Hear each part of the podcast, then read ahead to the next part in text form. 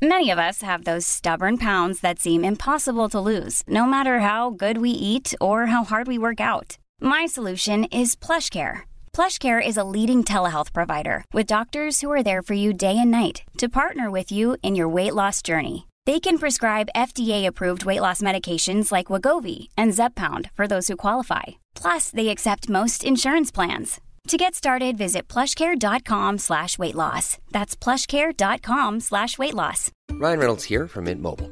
With the price of just about everything going up during inflation, we thought we'd bring our prices down. So to help us, we brought in a reverse auctioneer, which is apparently a thing. Mint Mobile unlimited premium wireless. Have to get 30, 30, bit to get 30, bit to get 20, 20, 20, bit to get 20, 20, bit to get 15, 15, 15, 15 just 15 bucks a month. So, Give it a try at mintmobile.com slash switch. $45 upfront for three months plus taxes and fees. Promo rate for new customers for limited time. Unlimited more than 40 gigabytes per month. Slows. Full terms at mintmobile.com. Hey, it's Ryan Reynolds, and I'm here with Keith, co-star of my upcoming film, If, only in theaters May 17th. Do you want to tell people the big news? All right, I'll do it. Sign up now and you'll get unlimited for $15 a month in six months of Paramount Plus Essential Plan on us. Mintmobile.com slash switch. Upfront payment of $45 equivalent to $15 per month. Unlimited over 40 gigabytes per month. Face lower speeds. Videos at 480p. Active Mint customers by 531.24 get six months of Paramount Plus Essential Plan. Auto renews after six months. Offer ends May 31st, 2024. Separate Paramount Plus registration required. Terms and conditions apply if rated PG. Att få chansen att på varje ställe man är se vad är mitt mervärde här och försöka plocka fram det och sen använda det som sin styrka att göra gott på ett eller annat sätt. I mitt fall göra gott för andra.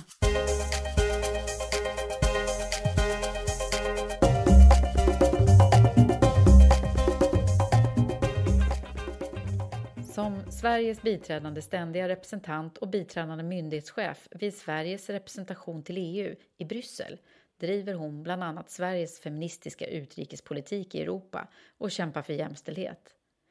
Vår ödmjuka och empatiska ambassadör Åsa Webber berättar om ansvaret hennes roll innebär men också om glädjen i att få jobba för förändring och att kämpa för andra.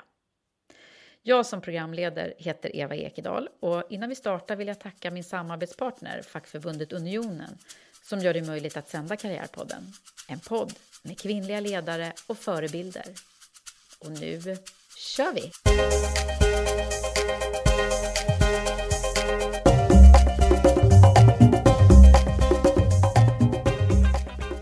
Välkommen till Karriärpodden, Åsa Weber.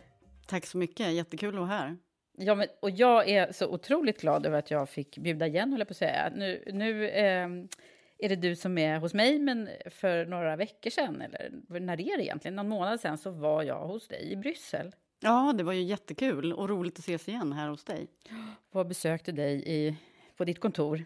Och, och så. Det, var, det kändes stort faktiskt för mig. Jag, jag filmade ju därifrån hela dagen. Kändes, kändes Ja. som att, att nu var Eva ute i stora världen och fick lära, lära sig lite mer om EU-frågor. Ja, stort och modigt skulle jag säga att du vågade hoppa på den här inviten att komma till oss i Bryssel och se vad vi gör. Precis, och nu är det modigt att du är här hos mig i Karriärpodden, tycker jag. Att- Tycker jag med, tack. Ja. för du är van att prata om EU-frågor i alla dess former, eh, men kanske inte varje dag som du pratar om det själv. Nej, pratar gärna om andra, men Mm. inte om mig själv. Nej. Vi ska se hur det går nu. Ja, precis. Nu ska jag tvinga dig till det lite. Nej, men det känns också stort. Det är inte var dag man har en ambassadör här i stolen. Du är den första ambassadören som är med i Karriärpodden. Mm, tack, spännande för att vara den första, men kanske inte den sista. Nej, vi får se. Mm. Vi får se. Och vi, jag tänkte att vi kommer ju få reda på vad, vad gör en ambassadör egentligen och eh, hur blir man det? Och hur har, hur har det varit för dig? Ja. Och då eh, så, så har jag ju förstås studerat ditt CV här nu innan och då tänker man ju, det första man tänker är så här, oj, det här var en riktig spikrak karriär eh, inom EU. Eh, för att den började redan, redan nästan när, när EU, när vi precis hade gått med, eller hur? Mm, Ja. ja, visst, alltså det finns en röd eh, tråd i, i mitt CV. Jag har ju hållit på med EU-frågor egentligen hela mitt eh, yrkesverksamma liv och också när jag studerade så jag pluggade juristlinjen i Uppsala och kom Mm. inte riktigt på vad det var som var bra med det egentligen förrän jag kom till EG-rätten. Eh, på, det måste varit på femte terminen så insåg jag att ja, men just det, det är det här jag ska göra, det är det här jag ska hålla på med. Fascinerande att förstå hur det hängde ihop och vad det var för någonting. Så där började det någonstans, 92 tror jag att det var. Att du började sen- intressera dig för det här? Ja, för EU. Eh, och egentligen kanske man backar bandet ytterligare så började det ju eh, för 30 år sedan. Eh, I år så åkte jag till Paris efter studenten ett år. Mm. Och där, eh, den där blodade tanden som man kan få ibland, Ja. den fick jag nog redan där. Och sen så pluggade jag på juristlinjen och eh, upptäckte EG-rätt eh, och höll på med det och specialiserade mig på EG-rätt tidigt. Eh, och numera heter det EU-rätt. Men ja, Mm. Ja. Där, där någonstans började det här Började intresset för EU, vad det var för någonting. Och sen har det, eh, ja men det är det som är den röda tråden egentligen. Ja. Det jag har gjort och det jag fortfarande håller på med. Men när var det nu? Det var 95 som Sverige gick med. Ja, Det, så långt är jag med. ja. Eh, och vad hände då egentligen när du hade pluggat färdigt och så? Ja, jag ehm, fick en fråga då, apropå sponsorer som du brukar fråga om. Så hade jag en, eh, en lärare i Uppsala som eh, föreslog att jag skulle komma tillbaka och undervisa på juristlinjen i Uppsala. Så då gjorde jag det efter att jag hade varit eh, praktikant i eh, Bryssel på kommissionen. Så kom jag tillbaka och eh, undervisade ett år i Uppsala på juristlinjen. Dels i EG-rätt och sen internationell privaträtt. Ehm, och sen hoppade jag vidare, gjorde en praktik till. Min för detta man kallade mig för den eviga praktikanten ett tag för att jag hoppade runt och gjorde olika grejer i början. Ja, så från praktikant till ambassadör kan man ju... Ja, faktiskt. Säga. Ja, eh, ehm, absolut. Ehm, och från att ha då gjort de här olika praktikperioderna på kommissionen och domstolen så eh, kom jag in på eh, UD 97 på ett VIK. Eh, som var ett tillfälligt VIK som blev förlängt så där som det kan bli i alla fall på i Mm. regeringskansliet är det vanligt att man kommer in på ett vikariat och att det förlängs och det ena leder till det andra. Eh, och jag ehm, gick också regeringskansliets aspirantutbildning där 98 och kom in på regeringskansliet, vandrade runt, eh, hamnade på justitiedepartementet ganska tidigt och höll på med EU-frågor på justitiedepartementet. Ja, men då var du hemma alltså? Då var jag i Stockholm. Ja. Okej. Men det, det låter ju som en, ändå ett, ett väldigt tydligt tänk här nu från början från din sida. Men var det här någonting som hade fötts redan innan, eh, alltså innan juristlinjen? Det här, eh, jag är så fascinerad över liksom hur man fattar sina beslut ändå kring Ja. vad, vad man ska syssla med. Ja, men det var nog det där med eh, ett eh, internationellt intresse. Och då när jag eh, åkte till Paris eh, 89, då var jag faktiskt husa hos Carl Lidbom som var ambassadör i Paris tillsammans med en annan tjej som heter Anna. Eh, och där någonstans, alltså det, det internationella har funnits med eh, hela mitt liv egentligen på ett eller annat sätt genom min familj och min Eh, ja, min mamma jobbade på, en, på Marieborgs folkhögskola som hade en väldigt internationell inriktning, så vi pratade mycket om eh, ja, internationell utblick vid köksbordet hemma. Okej. Eh, och eh, det satte väl en tidig prägel. Och sen, Vad ja, jobbade din pappa med då? Eh, han var lärare. Samhällskunskap, historia. Han hade hur många akademiska po- poäng som helst, men eh, eh, jobbade framför allt med SO-ämnen. Okej. Ja, men det, det här är också, eller hur? Antingen så gör man ju liksom någon variant på sina föräldrars Ja, eh, yrken Mm. eller också så gör man något helt annat. Men hur var det då när du växte upp i Norrköping? Eller vart var det?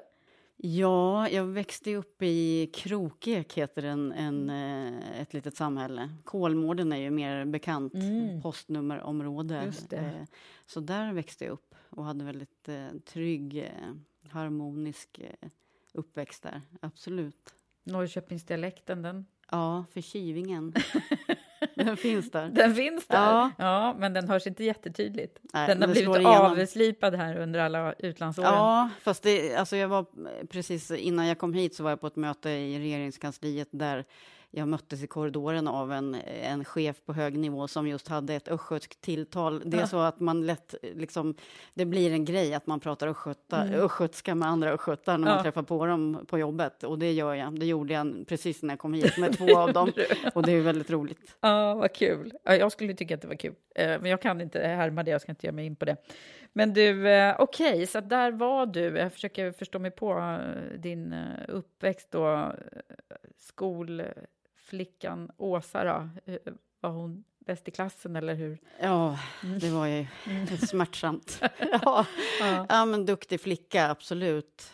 Eh, jag hade väl lite lätt för mig mm. i skolan och fick bra betyg och så vidare. Kämpade kanske inte hårdast av alla, men, ja, men jag hade lätt för mig. Jag hade tur mm. på det sättet. Har du syskon? Ja, en lillebror. Mm.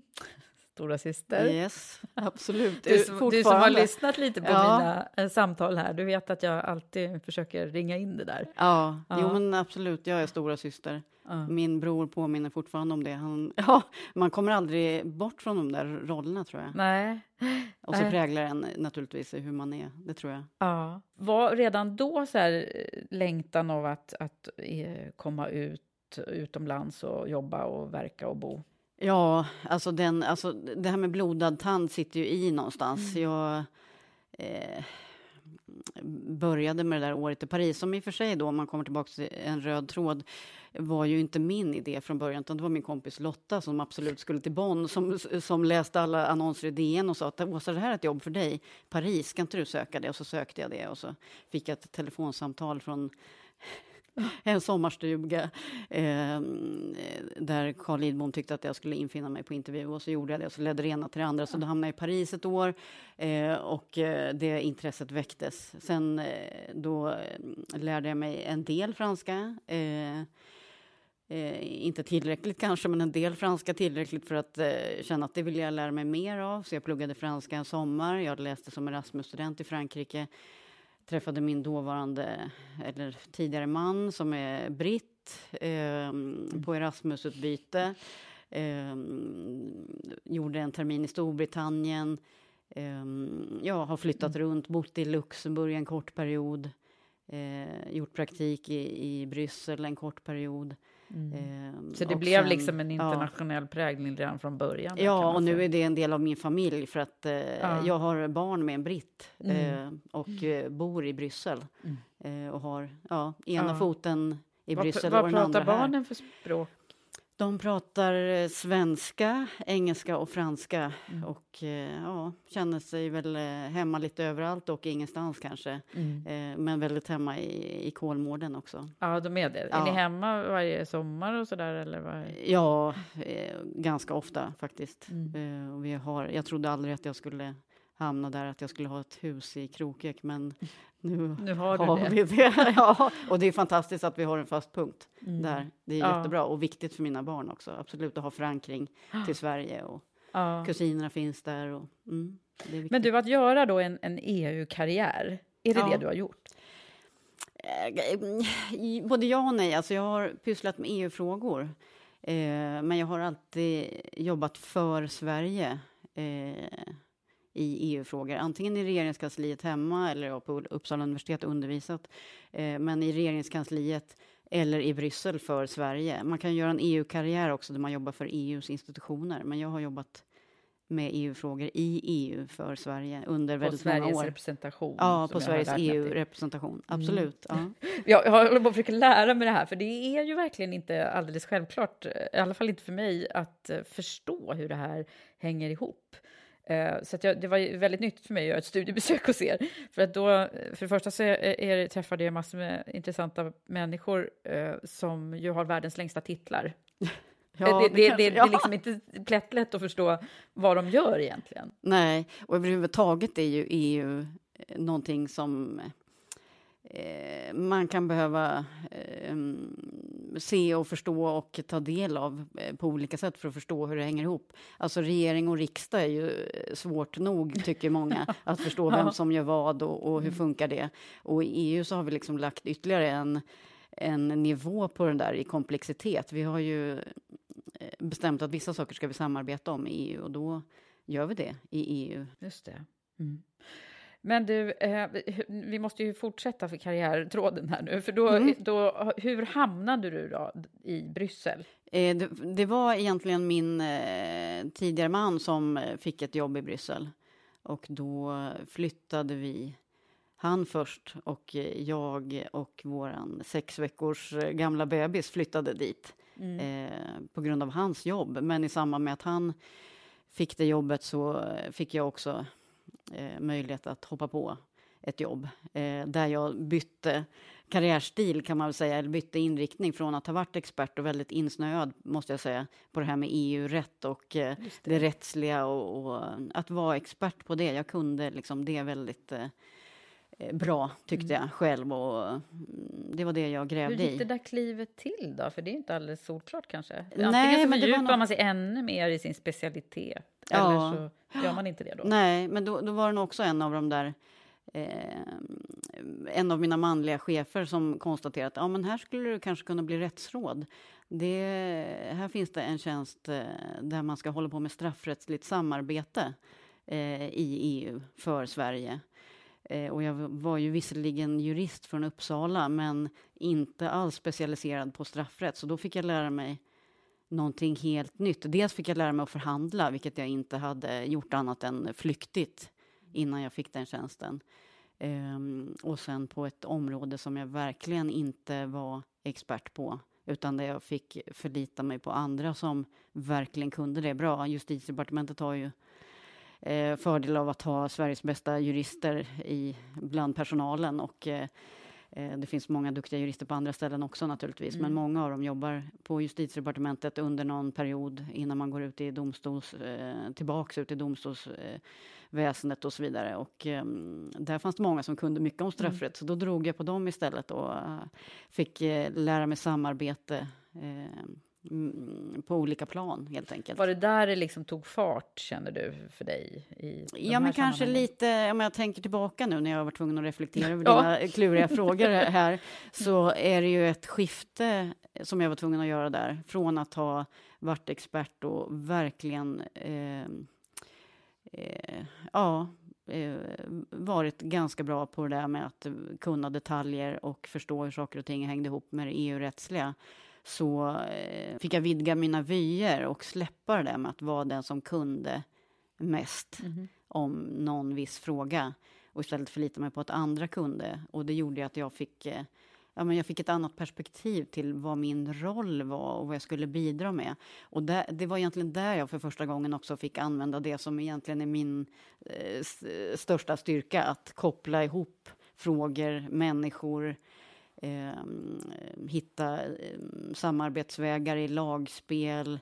Både, alltså EU, hela EU-arbetet är ett enormt lagspel eh, på så många olika plan. Det är som en matris egentligen där man måste samarbeta eh, internt i laget som representerar Sverige på plats i EU. Man måste samarbeta med sin huvudstad, som alla medlemsstater gör. Samarbeta med experterna som sitter i Stockholm. Bestämmer eh, i regeringskansliet och i avstämning mellan regering och riksdag vilken politik Sverige ska bedriva på det området. Eh, att förmedla det ut i EU till de andra 27 länderna. Eh, snart 26 länder då. Eh, att, att förmedla, förklara, försvara svensk hållning i ett sammanhang där man ska förhandla fram en lösning, man ska förhandla fram en lagstiftning som ska gälla för alla. Ja. Eh, då måste man verkligen samarbeta både hemåt och med de som sitter runt bordet.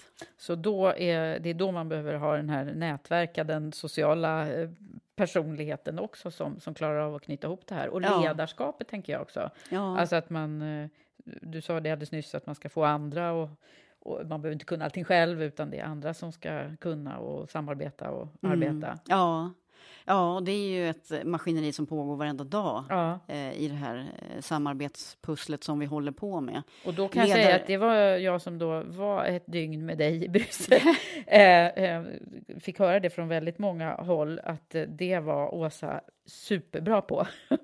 du, du visade också prov på det tycker jag. Du hade knutit ihop väldigt många kvinnliga ledare, svenska kvinnliga ledare där nere som jag fick träffa då också. Och de eh, intygade ju verkligen att det är det Åsa gör. ja, det, tack. Det verkar vara en talang som du fick eh, använda ja, men jag, då. Ja, men jag har börjat odla den egentligen och, och den började kanske odla i den rollen som rättsråd. Eh, det var min första roll på representationen. Sen har jag bytt roll, så nu sitter jag egentligen i min tredje, tredje roll på en och samma arbetsplats. Men jag har kunnat förfina det där och utveckla det beroende på vad jag haft för plattform mm. eh, i den rollen som jag haft. Ehm, och det är ju väldigt tydligt i den rollen som jag har idag att det är en av Eh, en av sakerna som jag kan bidra med, mitt relativa mervärde, är just det där att kunna koppla ihop människor och frågor och se till att skapa ringar på vattnet. Det var ju så jag tog kontakt med dig också Ja. för rätt länge sedan nu och såg att det du gör med din podd är ju kopplat till vad vi gör i EU.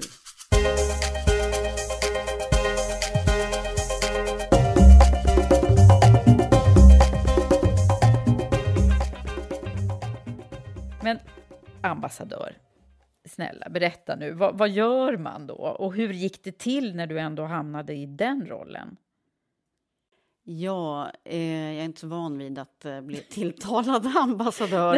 Eh, men det är Men ju är den det. Mm. formella titeln på papper, absolut. Och det är en viktig titel i den här stan när man ska ha nytta av eh, att röra sig på en viss nivå, att ha öppna dörrar, eh, koppla upp sig mot andra eh, personer som vi vill samarbeta med på olika sätt eller koppla ihop och så.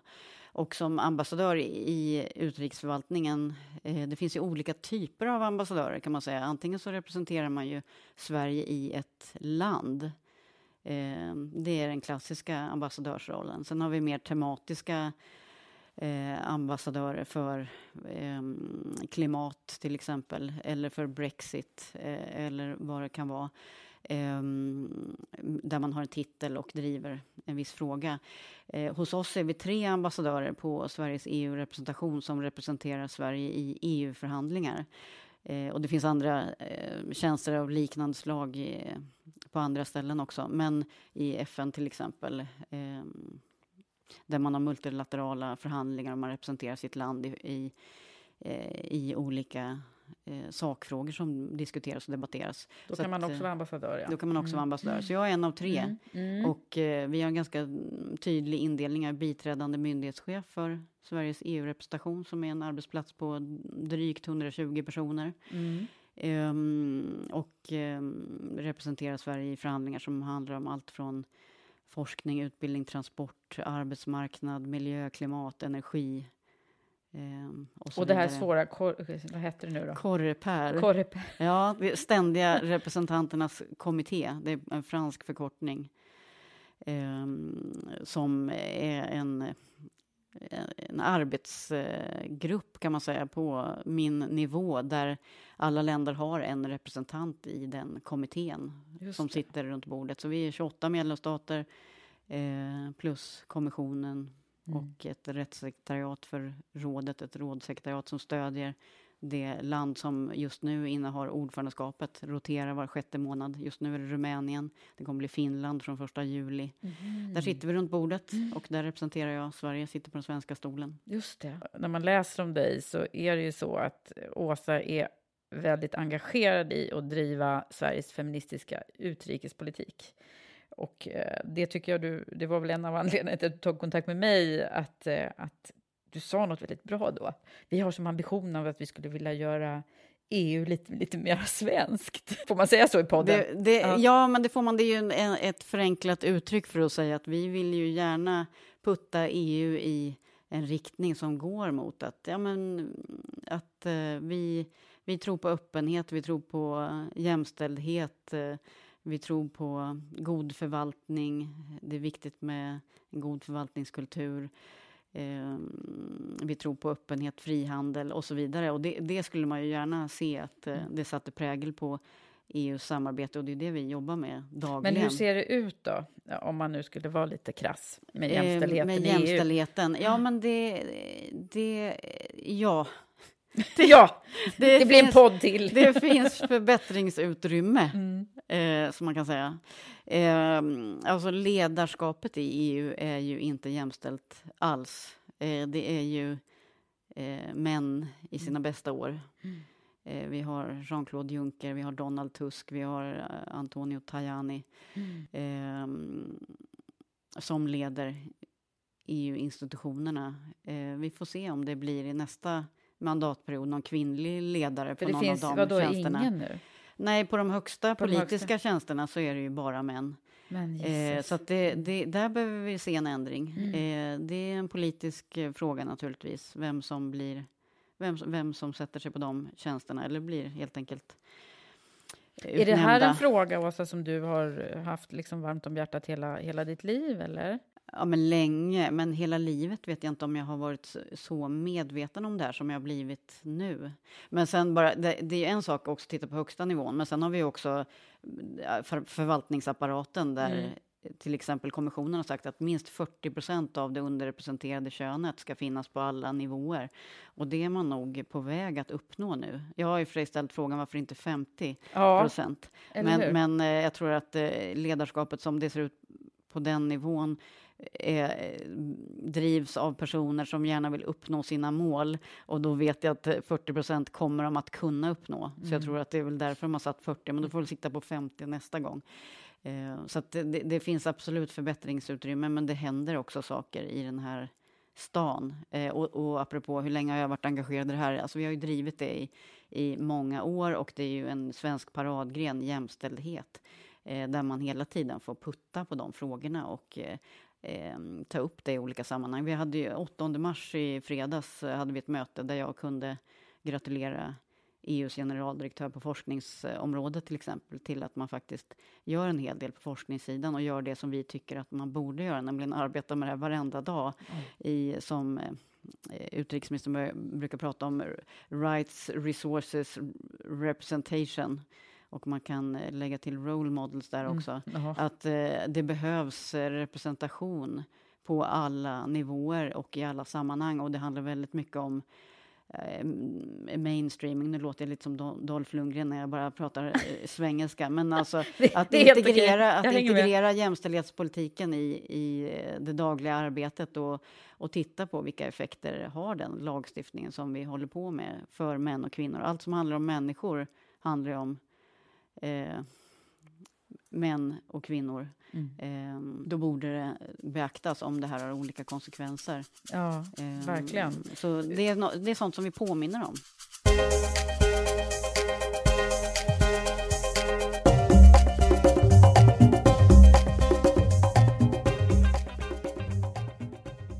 Du, jag tänkte vi skulle eh, fördjupa oss lite i det här med ledarskap också. Mm. Du har ju en ledarroll idag, fast ni hjälps åt, eller hur ser det ut? Ja, eh, jag är som sagt biträdande myndighetschef för den här myndigheten eh, som består av, det är som ett mini-regeringskansli.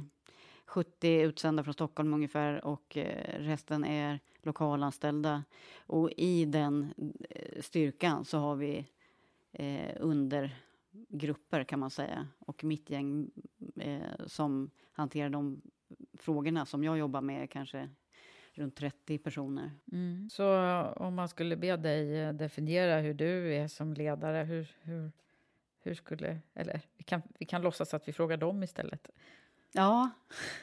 De skulle säga att jag är eh, mänsklig, engagerad, Eh, prestigelös. Ja, vad skulle de mer säga?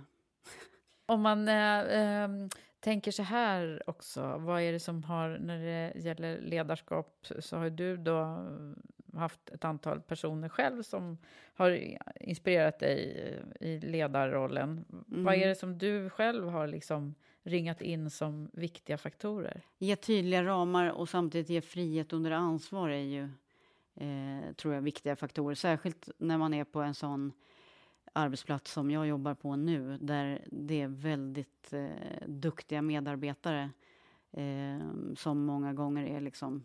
Eh, ja. För duktiga?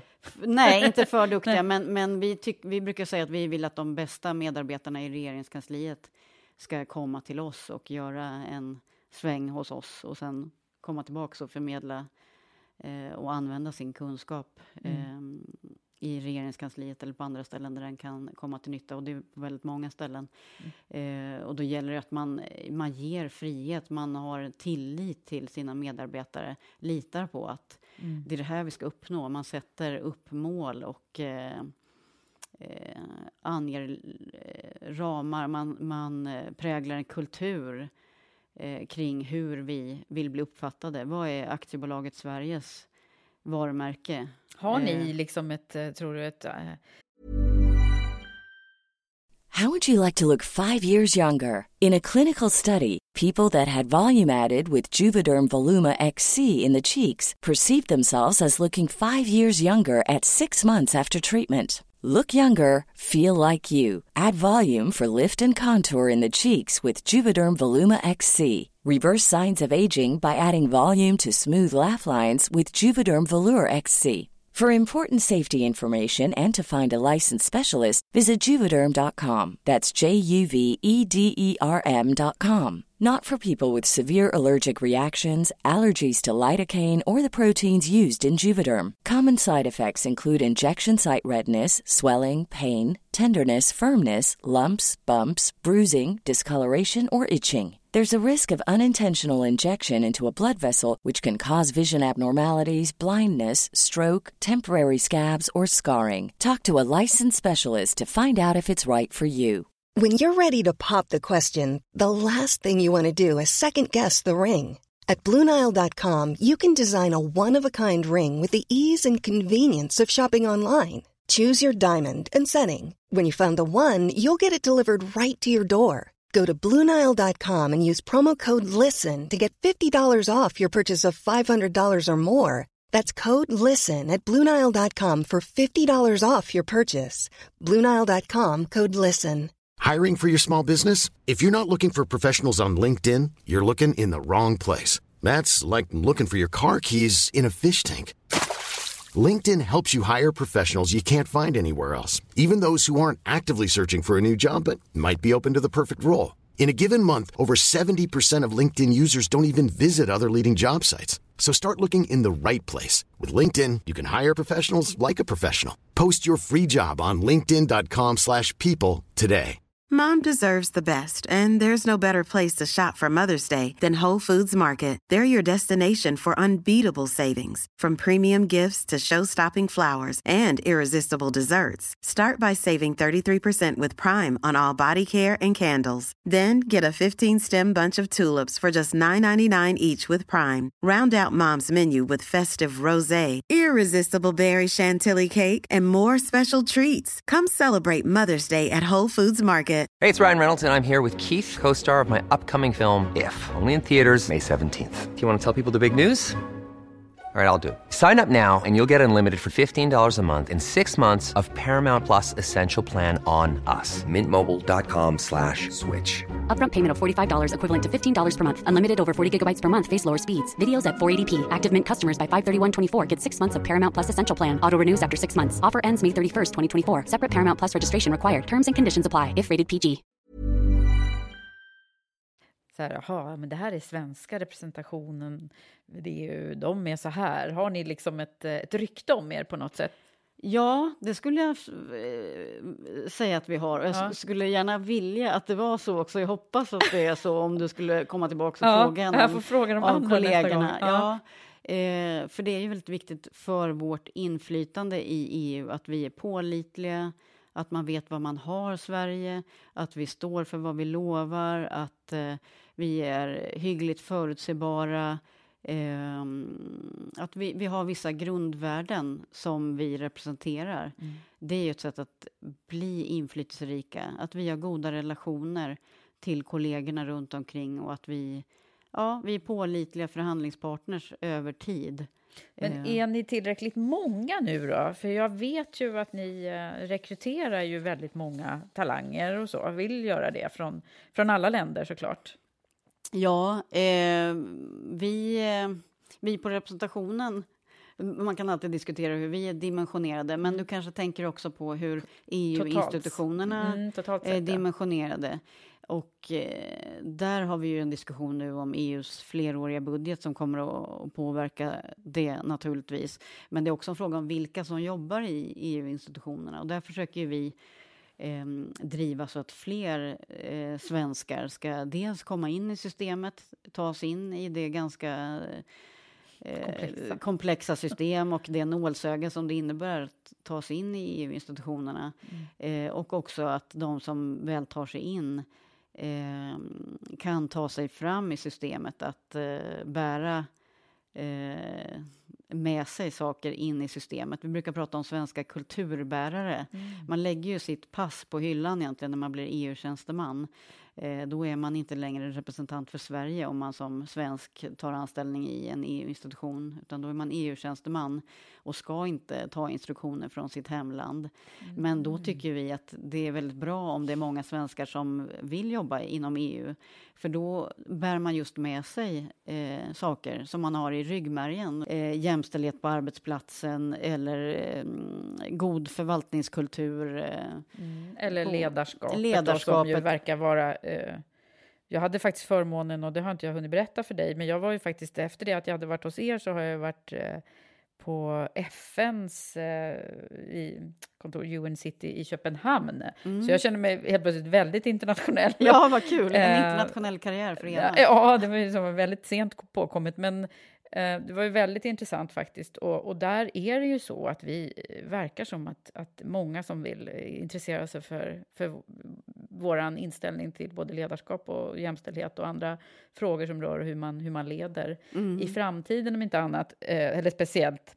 Och det är ju också en fråga som jag ställer till alla mina gäster, Åsa. Mm. Det är, handlar om vad är det du tror att vi kommer att behöva för typ av ledarskap i framtiden om man pratar Eh, det moderna ledarskapet som vi eh, vill ringa in här mm. i Women for Leaders, där pratar vi jättemycket om att det är ett, ett annat typ av ledarskap. Vad tror du att det handlar om? Det, jag tror att, att det, det, finns absolut behov av ett sånt ledarskap i EU-institutionerna som inte är så hierarkiskt utan eh, lite plattare organisationer, lite mer tillit till medarbetarna, att, att ge kraft åt medarbetare Eh, att eh, skapa verksamhet. Eh, och eh, också... Eh, alltså jag tror att det här ledarskapet där, där chefen inte är, måste vara den som är bäst på någonting. Det handlar inte om att vara störst, snabbast och snyggast utan att eh, ge, skapa förutsättningar för medarbetare att eh, blomstra, att eh, få utlopp för kreativitet, kunskap och så vidare. Att, att skapa starka organisationer bygger ju någonstans på att man ger en kraft till medarbetarna snarare än att hålla det till, att hålla det till en, en enda person. Eh, där tror jag att det finns mm. rätt mycket att göra. Och du borde egentligen missionera, tror jag. Du får röra dig runt nu och sprida. Skulle det behövas i, i EU generellt sett? Det, ja, det tror jag. Eh, absolut. Och absolut EU-institutionerna. Nu har jag i och för sig inte gjort annat än praktik i EU-institutionerna, men jag har ju sett dem eh, på väldigt nära håll, fastän utifrån, eftersom jag jobbat för Sverige under hela den här tiden som jag bott i Bryssel. Men det finns ju absolut eh, behov av att, eh, att eh, skapa eh, mer av en kultur där man ger kraft till organisationen mm. Um, genom att delegera, genom att uh, inte central och toppstyra saker och ting. Inte så auktoritärt, mm. utan snarare våga uh, lite mer frimodigt, mm. kanske. Mm. Ja, det stämmer ju väldigt väl med vad vi, eh, eller vad, vad, så många eh, som sitter i den där stolen där du är nu, som gäst i Karriärpodden, så frågar jag ju det här. Och det är ju nästan alla som pratar om eh, liknande eh, saker som du gör nu, det vill säga att man ska jobba med, med att bygga starka team som kan liksom generera eh, ett bra resultat i det. De, det, det handlar liksom inte om det hierarkiska längre, utan mm. det är någonting helt annat vi, mm. vi håller på med nu. Och, och det är ju en omdaning som sker mm. automatiskt, men det är ju också eh, liksom en anpassning som måste som måste till. Mm, ja, och det mångt och mycket tror jag är en kulturfråga också när jag ser på eh, ja, hur vi har det i, i Bryssel i, generellt. Att jag tror att eh, det finns mycket att, att, bidra med där utifrån det här lite mer avspända ja. ledarskapet. Ja, precis, som jag tycker att eh, du verkligen är en, en förebild. Vad har varit det absolut roligaste hittills då, om du skulle blicka tillbaka? Och det är ju helt, det är ett sånt privilegium att ha det här jobbet som jag har nu. Det är ju kul varenda dag. Jag lär mig saker på jobbet varenda dag. Eh, och att få representera Sverige i de sammanhang som jag eh, representerar Sverige är ju en gåva som man måste förvalta väl. Alltså. Och det, att, att få mm, representera. Sverige har ett väldigt starkt varumärke på så många sätt. Eh, jag brukar säga att vi har svart bälte i omställning, både när det gäller omställning till ett hållbart samhälle när det gäller klimatfrågorna, men också social omställning för att vi har starka parter på arbetsmarknaden. Vi, vi har en förmåga att anpassa vårt samhälle mm. efter förändring.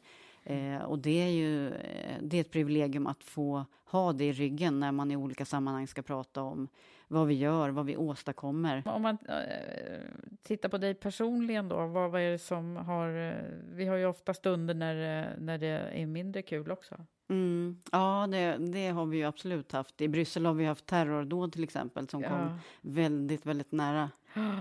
Hur har, hur har det påverkat dig, eller vad hände? Ja, men där hände en morgon den 22 mars 2016, så det är snart tre år, tre sedan. år sedan. Ja. ja. Eh, när det först eh, eh, smällde på flygplatsen. Jag gick in i krishanteringsmode. Mm. Jag lämnade mina barn på skolan. Mm. Den här flashen om bombdåd på flygplatsen kom. Tänkte att äh, men nu, jag ska ta med, vår krisorganisation gick igång. Mm. Eh, vi visste att det här måste vi krishantera kring. Mm. Eh, såklart, vi pratade telefon och sa att vi samlas direkt eh, på kontoret. Från där att jag såg den här flashen så mm. parkerade bilen hemma, hoppade ner tunnelbanan för att mm. det gick snabbast. Mm. Korkat. Mm. Vi drog igång med krishantering eh, direkt mm. och fick nästa nyhetsflash då. Mm. Eh, att det hade just smält i tunnelbanan som är liksom en av våra närmaste ja. Och det var precis där du hade gått? Ja, ja. Men det tänkte jag inte så mycket på då, utan det var mer så här att ja, nu kör vi. Nu är det bara att se vad sjutton ska vi göra? Eh, hur räknar vi in personalen? Hur, hur vet vi om det är några svenskar som har drabbats? Mm. Eh, och vi räknade in personalen. Det var en skolklass som var i chock som hamnade i vår entré där. Som hade precis gått förbi den här tunnelbanestationen när det kom upp blodiga människor och så mm. vidare. Som, eh, där eh, vissa handlingskraftiga ur personalen ägnade sig åt att ta hand om den här skolklassen och se till att de fick stöd. Mm. Och vi i eh, ledningsgruppen drog igång krishantering. Vad behövde vi göra?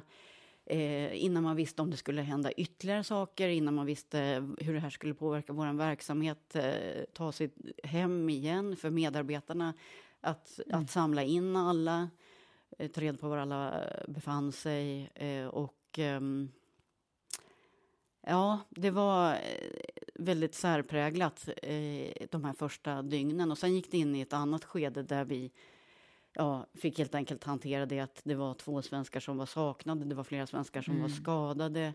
Mm. Eh, och sen hela den eh, krisorganisation som eh, dras igång när det händer ja. eh, olyckor utomlands. Vi är ju inte en ambassad på det sättet, men vi, eftersom vi inte har någon ambassad på plats så, så fick vi gå den. in i ja. ett krishanteringsuppdrag som vi har i händelse av kris. Eh, ja. Och där fick jag en väldigt tydlig roll som ju var en utmaning, eh, minst sagt, i, i en väldigt svår situation som inte är den typiska kanske i den rollen som jag har. Det, och det är ju inte typiskt för någon att hantera terrordåd och, och hur man relaterar till det. Men det satte ju verkligen organisationen på prov, eh, hela stan på prov och mm. också i hur det påverkade vår verksamhet i hur människor ser på Bryssel, att mm. resa till och från Bryssel och så vidare. Mm, och, och, det är det, ju så liksom internationell miljö. Ja, och, och det slog ju väldigt hårt på det sättet eh, att det kom så nära mm. och det påverkade både oss väldigt påtagligt på arbetsplatsen eh, och också alla de som reser eh, från Stockholm till Bryssel. Mm. Eh, det är klart att, att eh, människor blir rädda när det händer något sånt där. Och det är hela poängen med terrorism, att man vill skrämmas. Mm. Så att det har ju varit en övning i att också återgå till ett normalt eh, liv efter det. Och det tog ett tag.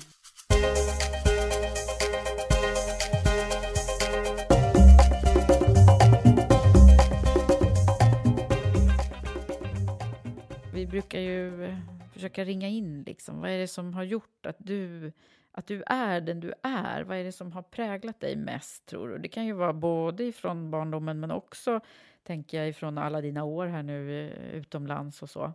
Jag tror att jag har, jag har ju en, en stark... Jag tror att jag har en stark självkänsla faktiskt. Jag har fått gott självförtroende av mina föräldrar mm. som har fyllt på och liksom coachat, stöttat, satt gränser, eh, sagt att jag kunde göra vad som helst egentligen från det att jag var liten. Jag fick egen nyckel när jag var sex år. Mm. det, har också, det gör ju liksom att man, man växer med ansvar och så vidare och de har alltid trott på mig. Ja, det är en sån bra sak. Ja, det hoppas man ju att man ska ge sina barn också. Ja, har du gjort det? Jag dina? hoppas det. Ja. Det vet man inte riktigt vad man ger sina barn. Svårt, och apropå att det går inte att eh, leva livet baklänges och så vidare. Man, vet, man ser ju inte riktigt på sig själv med såna glasögon eh, när, när man är mitt i det. Nej. Men jag hoppas att jag ger dem eh, styrka och eh, självkänsla och tilltro. Mm. Absolut. Och den här eh, karriärvägen som det blev då för dig, även om mm. du nu liksom inte säger att du har inte karriärplanerat, men eh, den, det spåret som det, som, som det har blivit för dig, vad har, vad har det gett dig, tror du, i form av liksom, prägling? Ja, men det har ju varit jättestort och viktigt för mig naturligtvis, det här att man får chansen liksom att ta sig fram och att ja, men försöka hitta sitt eget mervärde. Varför, vad är det för mening med att just jag hamnar här, där jag är nu?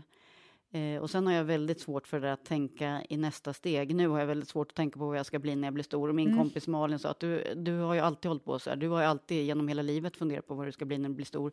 Men, men alltså jag tror att eh, att få chansen att på varje ställe man är se vad är mitt mervärde här och försöka plocka fram det och sen använda det till som sin styrka att göra gott på ett eller annat sätt. I mitt fall göra mm. gott för andra mm. och att försöka koppla ihop människor, eh, sluta cirkeln. Mm. Eh, skapa ringar på vattnet och så vidare. Mm. Eh, det är en, en annan person som heter Anna som har beskrivit mig som en, en evighetssymbol, en Konsum-åtta.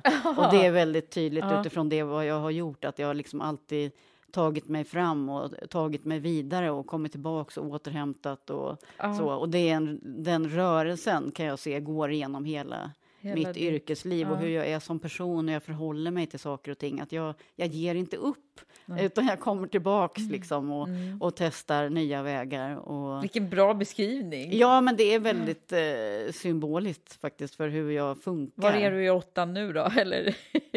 och, ja, bra fråga. Kanske mitt i där någonstans och fundera på 17 vilken, vilken eh, vilken båge ska jag ta nu? Liksom. Ja, mm. för vad händer? Kan man vara i den här rollen för hur länge som helst? Eller? Nej, eh, man kan vara eh, max fem år. Och nu är jag inne på mitt femte och sista år, så nu ska jag komma på vad jag ska bli när jag blir stor. Snart 50 och ska äntligen komma på vad jag ska bli när jag blir stor.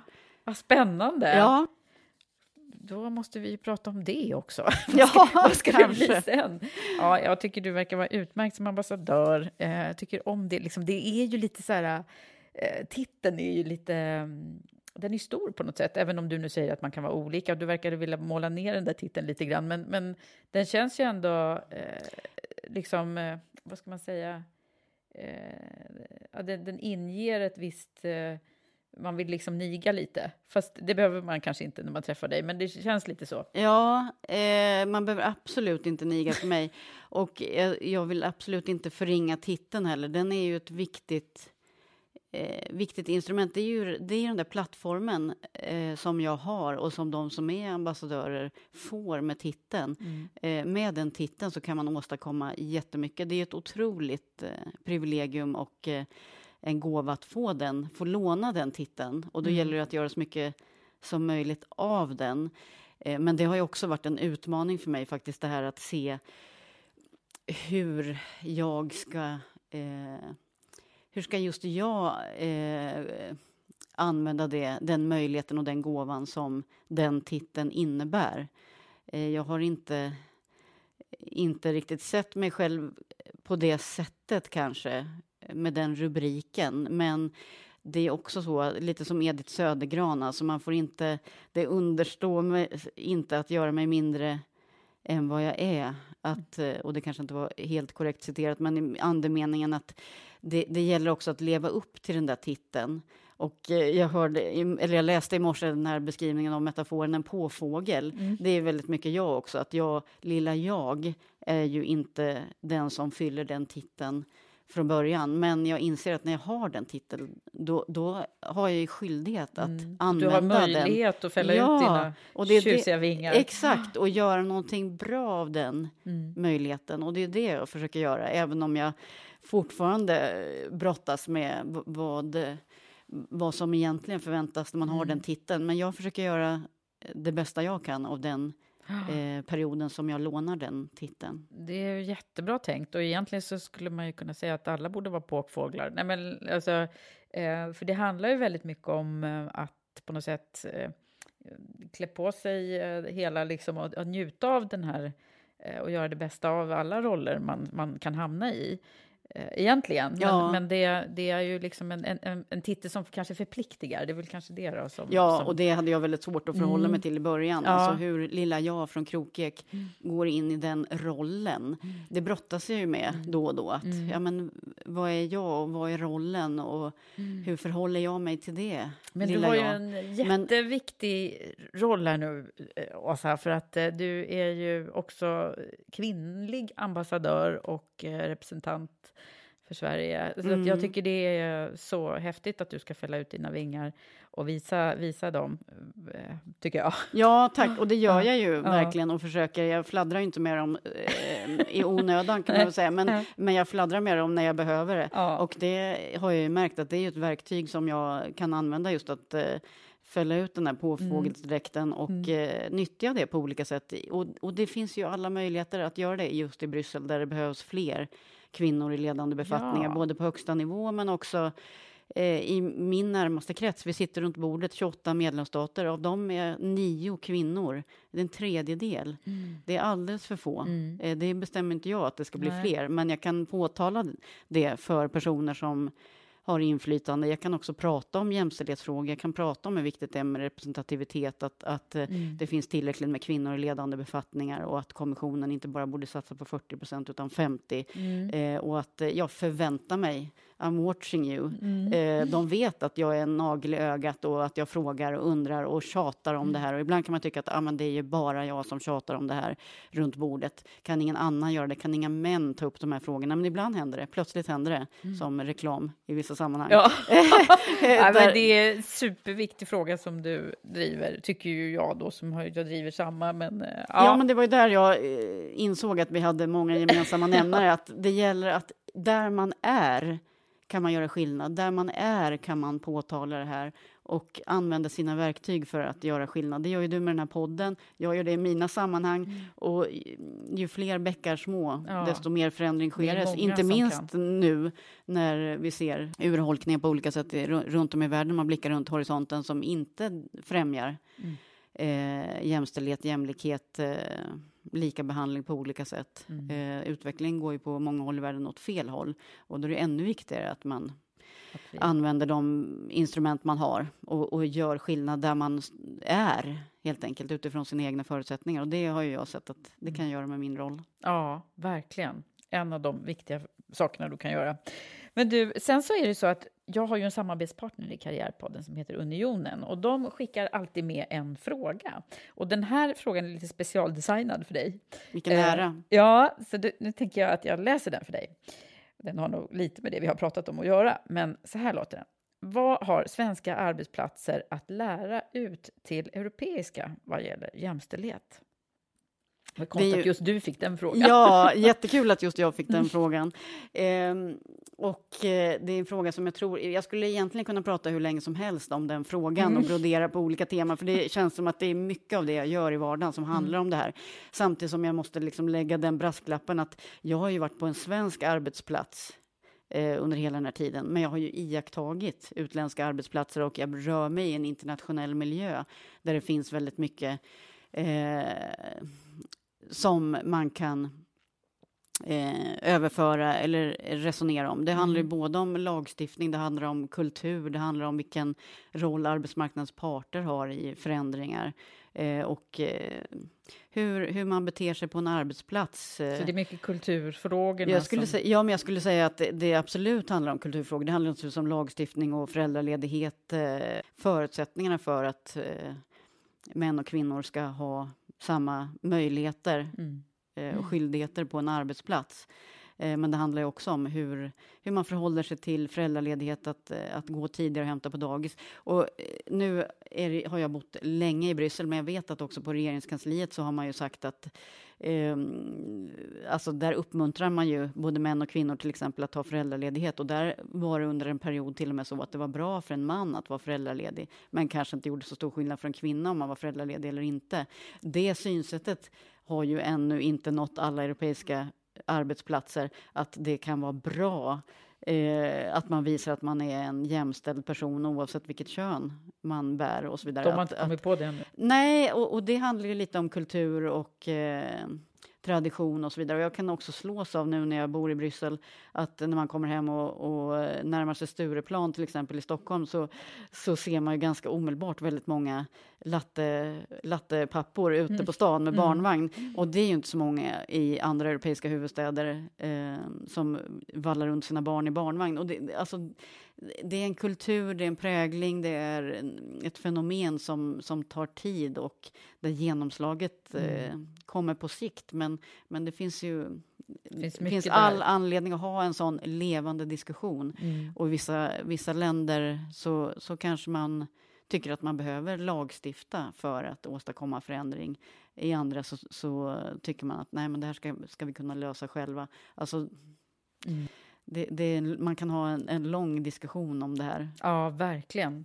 Men du, om man skulle eh, börja ringa in här nu, eh, vårt eh, spännande samtal. Vad, vad är det som du vill skicka med? Jag brukar ju säga att, att man, man försöker försätta sig själv lite, lite tidigare i sin, sin egen karriär. Vad är det man hade mått bra av att höra? Det som du nu kanske har snappat upp och, och vet nu. Och jag tänker framförallt på de som kanske är nyfikna på att göra en, en, en liknande karriär inom, inom internationell och uh, inom EU. Jag tror att det finns, det finns ju alla möjligheter att jobba internationellt idag och nu handlar ju den frågan kanske mer om hur ska eh, traditionell utrikesförvaltning kunna konkurrera med stora företag som Spotify och andra om att eh, attrahera arbetskraft. Eh, så det finns ju alla möjligheter, både det offentliga och det privata, att, mm att arbeta utomlands. Och eh, hos oss i Bryssel finns det möjligheter eh, att arbeta utomlands.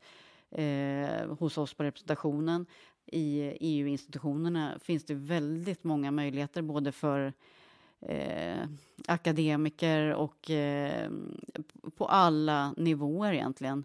Eh, oavsett utbildning så finns det olika typer av tjänster som kan vara jätteintressanta mm. om man är intresserad av att jobba i en en internationell miljö. Nu fick vi lite det... rekryteringspodd här ja, nästan. Ja, men, men ja, det var ju härligt. Ja, eh. men, men jag tror också tips ja. eh, mer allmänt om eh, hur, hur man ska tänka framåt. Så mm. tror jag mm. att man ska eh, verkligen hitta sin egen röda tråd och bottna i vem man är som person och försöka se hur kan jag bidra till till helheten här. Vad, vad, vad kan jag göra för den här verksamheten? Mm. Eh, och lita på att det man gör också på något sätt belönas. Ibland får man åka hiss och, och, i andra sammanhang får man ta sig fram lite mer själv. Men, men det gäller att eh, också visa vad man har för eget mervärde, tror jag. Ja. Vad har varit viktiga nycklar för dig då? Och, och eh, jag tänker på när du har då fått de här eh, befordransnivåerna och så. Vad, vad, vad är det som har gjort det, tror du? Jag tror att, eh, att jag har alltid haft... Eh, dels har jag, jag... Jag tänker oftast på helheten. Jag gillar helhetsperspektiv, helikopterperspektiv och att sätta saker i ett sammanhang och så vidare. Och att tänka på verksamheten utifrån ett helhetsperspektiv, även om man är en liten kugge i maskineriet, har gjort att jag har kunnat bidra. Jag har, fått, jag har suttit med i ledningsgrupp och så vidare ganska länge nu och eh, kunnat eh, bidra eh, på ett sätt som andra har, har plockat upp och, och satt värde på. Mm. Det tror jag har, har gagnat mig. Det har liksom gjort att att eh, mina chefer har sett att jag har kunnat bidra med någonting. Mm. Eh, så att, eh, att, se det liksom lite från den, den stora bilden? Ja, ja, det tror jag har varit bra. Mm. Är det något annat sådär som du känner att du vill skicka med till de här som, som sitter och funderar på hur de, vad de ska göra med sina karriärer? Ja, men min, min pappa pratade om för länge sedan att en, en fox terrier kommer väldigt långt. Jag tror att liksom man, man får eh, eh, vara sig själv och, eh, och ha lite tillit eh, till sig själv och sen hitta sina verktyg och kanaler och höra sig för och ställa frågor om eh, hur andra har tagits fram. Lyssna på din podd. Få inspiration. Ja. Eh. Mm, vad roligt. Tack så jättemycket, Åsa, för att du har varit med här. Tack till dig, Eva. Jätte, jättekul att få komma hit. En ära. Tack, Åsa, och stort lycka till med att driva ditt viktiga arbete. Hoppas att du som har lyssnat fick riktigt mycket i dig och blev inspirerad. Och tack för att du följer och lyssnar på Karriärpodden. Och du, nu har vi påbörjat rekryteringen inför höstens programstart av Women for Leaders Premium Leadership Program. Är du en kvinnlig ledare med chefserfarenhet som vill få ny kunskap, inspireras och bli ännu bättre? Du kan läsa mer och skicka din intresseanmälan via vår hemsida. Till sist vill jag rikta ett tack till min samarbetspartner Unionen, ett fackförbund för privatanställda tjänstemän. Du kan läsa mer på unionenopinion.se eller följ Unionen Sverige i sociala medier.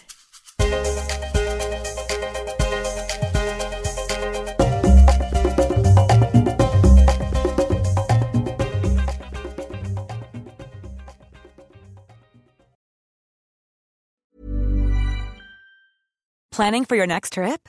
Elevate your travel style with Quince. Quince has all the jet setting essentials you'll want for your next getaway, like European linen, premium luggage options, buttery soft Italian leather bags, and so much more. And is all priced at 50 to 80% less than similar brands.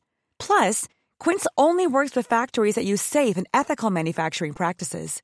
Pack your bags with high-quality essentials you'll be wearing for vacations to come with Quince. Go to quince.com/pack for free shipping and 365-day returns. Mom deserves the best, and there's no better place to shop for Mother's Day than Whole Foods Market. They're your destination for unbeatable savings, from premium gifts to show-stopping flowers and irresistible desserts. Start by saving 33% with Prime on all body care and candles. Then get a 15-stem bunch of tulips for just $9.99 each with Prime. Round out Mom's menu with festive rosé, irresistible berry chantilly cake, and more special treats. Come celebrate Mother's Day at Whole Foods Market. Traffic jams, tailgating, pileups. Ugh, the joys of driving. How could it get worse?